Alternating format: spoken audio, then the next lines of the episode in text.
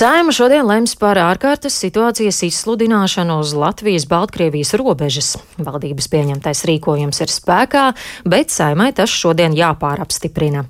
Kopš aizsākās migrantu krīze uz robežas, sabiedrības un atsevišķu politiķu retorika pret šiem cilvēkiem bijusi pat ļoti asa un agresīva. Kā šajā situācijā paraudzīties uz pašu migrantu tiesībām, par to sarunāšos ar Latvijas cilvēktiesību centra juristu Edgaru Oļševski, kurš nodarbojas ar patvērumu patvērumu meklētāju tiesību uzraudzību. Labrīt! Labrīt! Līdz šim ir izskanējuši dažādi viedokļi no politiķiem un sabiedrības eh, tieši pret cilvēkiem, kas mēģina šķērsot mūsu robežu. Un, e, bieži vien eh, ir arī dzirdēts, ka migrantus vajadzētu ar spēku izraidīt un pat ar ieročiem. Par ko liecina šādas nostājas un reakcijas?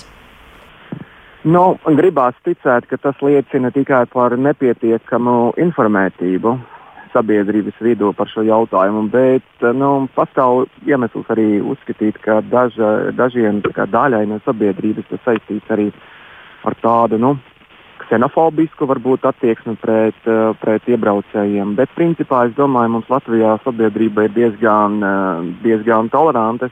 Vienīgais, ka dažkārt pārspīlē ar šīm bailēm ja, pret, pret šiem cilvēkiem. Bet, nu, kopumā vienas atbildes tādas nav.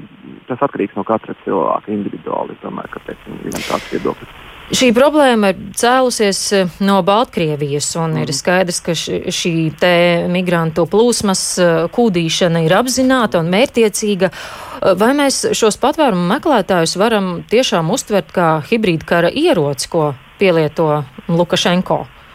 Nu, manā skatījumā viennozīmīgi jā. Es pat teiktu, vairāk ne tikai Lukaš, Lukašenko režīms, bet arī kā, kopsakarā ar Putina režīmu nu, Krievijas federācijā. Bet jā, es domāju, ka tas ir viens no hibrīda kara, ko grūti definēt, ja, šo jēdzienu, kas ir hibrīda karš. Bet, karš, bet ja mēs apmēram varam sajust jā, tā, to ietvaru šim jēdzienam, tad jā, es domāju, ka viennozīmīgi mēs varam nosaukt šādu rīcību no Lukašenko kā vienu no paveidiem, kā atriebība pret Eiropas Savienību par sankcijām un par šo attieksmi.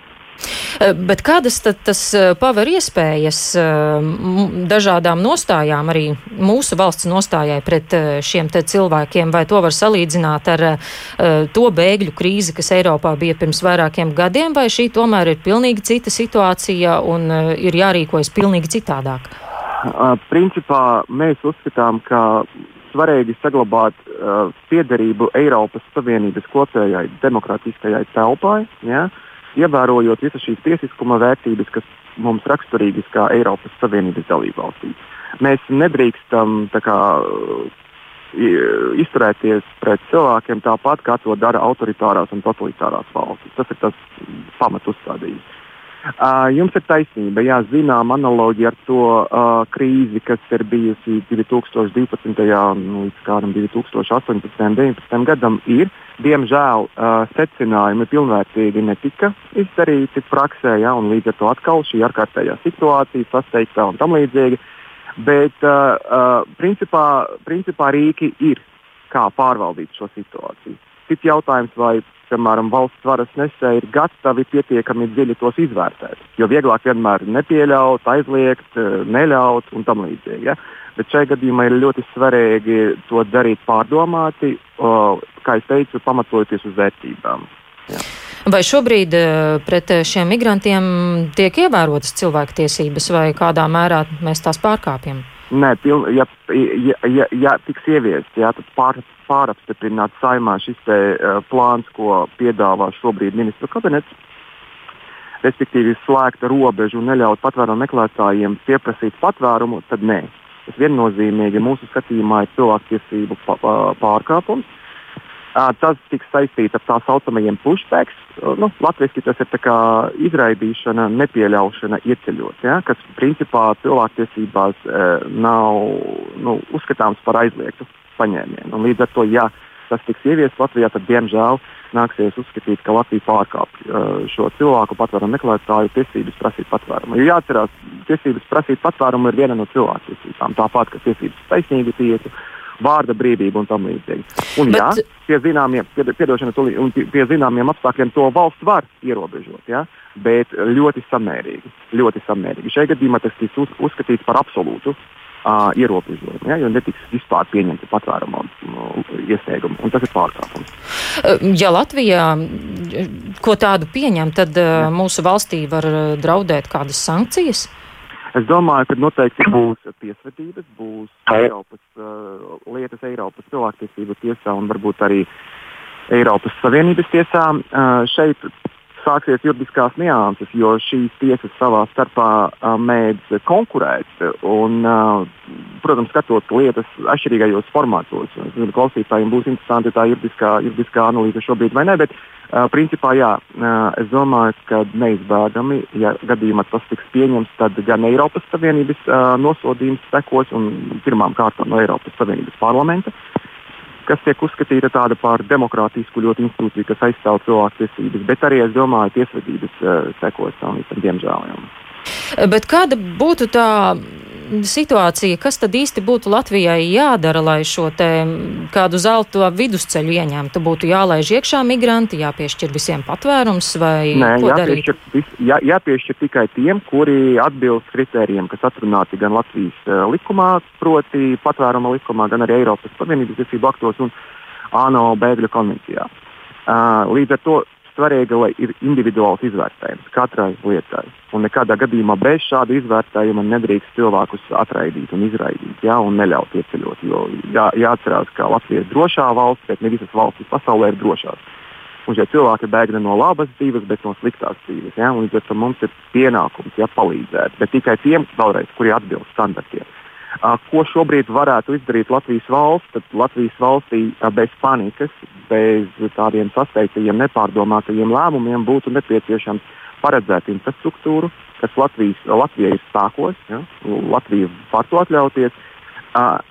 Jā, var izbūvēt izbūvēt uh, apstākļiem atbilstošās telpas, tās pašas telpas, ja vienīgais, protams, ar apkurī, piemēram, tas vilks arī rudenī un ziemā. Uh, un var izvietot to gan, gan Daugopilī, gan pie robežas, gan citos, citās vietās, un ļaut cilvēkiem tur mierīgi sagaidīt katras lietas izvērtēšanu, kas Latvijā notiks. Ja? Bet nekādā gadījumā to nedrīkst kā, ne, neļaut vispār cilvēkiem ieceļot Latvijā.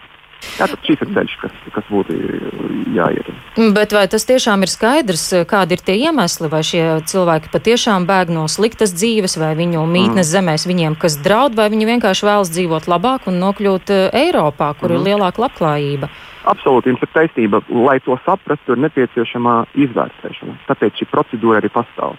Jā, lai atsijātu tos cilvēkus, kuri tiešām atbilst kritērijiem, kā bēgļi vai alternatīvās status ieguvēji no tiem cilvēkiem, kuri varbūt arī tas ir viņu tiesības mēģināt uh, atrast labākos ekonomiskos apstākļus un tam līdzīgi, taču tie neatbilst starptautiskās aizsardzības kritērijiem, un līdz ar to valstīm ir tiesības pateikt, nē, mēs nepiešķirsim. Bet vēlreiz, lai to saprastu, ir nepieciešams izvērtēt. To vienkārši tā, ziniet, vispārīgi apgalvot, ka visi bēg, tāpēc, ka viņiem nav ko darīt dzīvē, tā skaitā nepilngadīgie un bieži vien arī nepavadītie nepilngadīgie. Nu, tas ir aplami. Vēlreiz sakot, tāda retorika vairāk uh, piemīt autoritārajām un totalitārajām valstīm, kuras spēlē ar šīm grupām savu politisko interesu vadību. Ja? Mēs neesam tādi.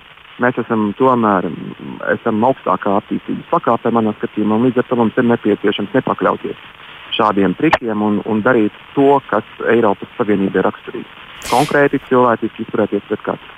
Jā, nu, līdzīga situācija bija arī Lietuvā, kur uh, pat uh, diezgan brutāli tika apturēta šī migrantu Jā. plūsma. Uh, vai šī ir pieņemama praksa, un vai Lietuvai jau nedraud kas līdzīgs, kā jūs arī iepriekš minējāt no Eiropas jā, puses? Jā, jā, jā, jā, jā. Lietuva arī, uh, diemžēl, izvēlējās uh, ceļu. Uh, negluži slēgt robežu, bet aizturēt uh, visus šos cilvēkus.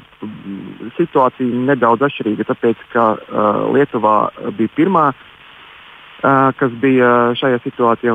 Skaitļi, šo cilvēku skaitļi ir lielāki salīdzinot ar Latviju šobrīd. Tas arī nav attaisnojums, bet vienkārši tas nedaudz atšķir šo situāciju. Bet pret Lietuvu tāpat. Jā, pret Lietuvu tāpat, diemžēl, visdrīzāk nāksies atzīt, ka Lietuva pārkāpj cilvēktiesības, šāda attieksme pret patvērumu meklētājiem un pārkāpj arī patvērumu procedūru. Bet viņi, cik es saprotu, šobrīd arī grūti saprast, viņiem pieņemt likums nesen, ja, kas principā ļauj šiem cilvēkiem ieceļot, bet vienīgais viņi paliek uz robežas un viņi gaida savus, savu lietu izskatīšanu. Līdz ar to tur jāpaskatās, cik lielā pakāpē viņi pārkāpj. Ja? Bet vēlreiz saku, vissliktākais vis, vis scenārijs ir tad, ja mēs vispār neļausim šiem cilvēkiem ieceļot Latvijā. Ja? Tas, ir, tas ir visvieglākais ceļš, kā var darīt, bet vēlreiz tas ir vislielākais pārkāpums. Būs. Ja vispār nu, patvērumu pieprasījums netiks reģistrēts un šie cilvēki netiks atzīti Latvijā par patvērumu meklētājiem. Jā, nu, ja mēs vēlreiz paraugam, paraugāmies, no kurienes šie migranti nāk un uh, no kādām valstīm, vai šajās valstīs uh, notiek cilvēktiesību pārkāpumi un šie cilvēki tur tiešām ir apdraudēti? Nu, piemēram, šobrīd Latvijā vislielākais skaits pēdējās dienās ja, šajās, no Irākas, Afganistānas, ir cilvēki arī no Kubas, Šrilankas, Indijas, Krievijas, nu, varam padomāt. Jā, nu, piemēram, Afganistānā, kas notiek tagad, tas notiek, šobrīd tur notiek uh, nu, militārā, mil, militārs konflikts, karš starp uh, Talibānu un nu, pēc būtības uh, valstiskajiem ja, spēkiem, militārajiem, pēc ASV karaspēka izvēršanas. Ir karš, ir karš. Civiliedzīvotājiem ir pamats uh, baidīties no tā, ka, ka bērni ģimene tiks iznīcināti, piemēram, vai īpašums un tam līdzīgi. Ir bēgt uh, cilvēki. Nu, tā mēs vienkārši modelējām. Ir pamats, varbūt ir. Ja? Irākā nu, apmēram tas pats. Ja? Joprojām turpinās šīs pretestības starp, uh, starp aizliegtajiem grupējumiem un valsts. Ja? Bet tā. Irākā vairums tomēr pie mums uh, nāk tieši no, no Irākas. No Irākas, jā, mums ir cilvēki, bet tur arī jānošķir. Piemēram, dažkārt tie ir kurdi, jā, kuri baidās no uh, kuri, piemēram, uh, ir karojuši pešmergā, karaspēkos, ja, pret, uh, pret uh, ISIS nu, militārajiem spēkiem. Ja, viņiem ir pamatotas bailes no tā, ka, piemēram, šobrīd uh, gadījumā, ja ISIS vai atkal tas, tas nav tā, ka saspīlējums, kā, kāds ir bijis iepriekš, ja, bet joprojām paliek pamats bailēm par to, ka tie, šie cilvēki, kurdi tiks identificēti, vajāti individuāli vai masveidā un iznīcināti. Un līdz ar to šie cilvēki arī uh, bēg. Nu, arī pārējie baidās no, no sprādzieniem, no, no, no terorismu un tam līdzīgi. Ir pamats uzskatīt, ka Irākas valsts šobrīd nevar efektīvi pārvaldīt visu teritoriju un aizstāvēt katra cilvēka tiesības pilnvērtīgi. Jā, jā nu tad cilvēki nejūtās droši. Un, jā, nu, līdz ar to tas ir tāds īsts ieskats, bet uh, tie nav cilvēki, kas ir tādi nu, samāksloti kaut kādi bēgļi. Ja? Kā es teicu, afgāņi un irākieši, kas ir pārsvarā jā, šajās pēdējās dienās, kas ieceļo Latvijā, jā. viņiem nu, man... mēs varam teorētiski pieļaut, ka ir pamats uh, pa, prasīt pat, uh, patvērumu vai starptautisku aizsardzību. Jā, tik tālu paldies, teikšu jā. šorīt Edgaram Oļševskim, Latvijas cilvēktiesību centra juristam.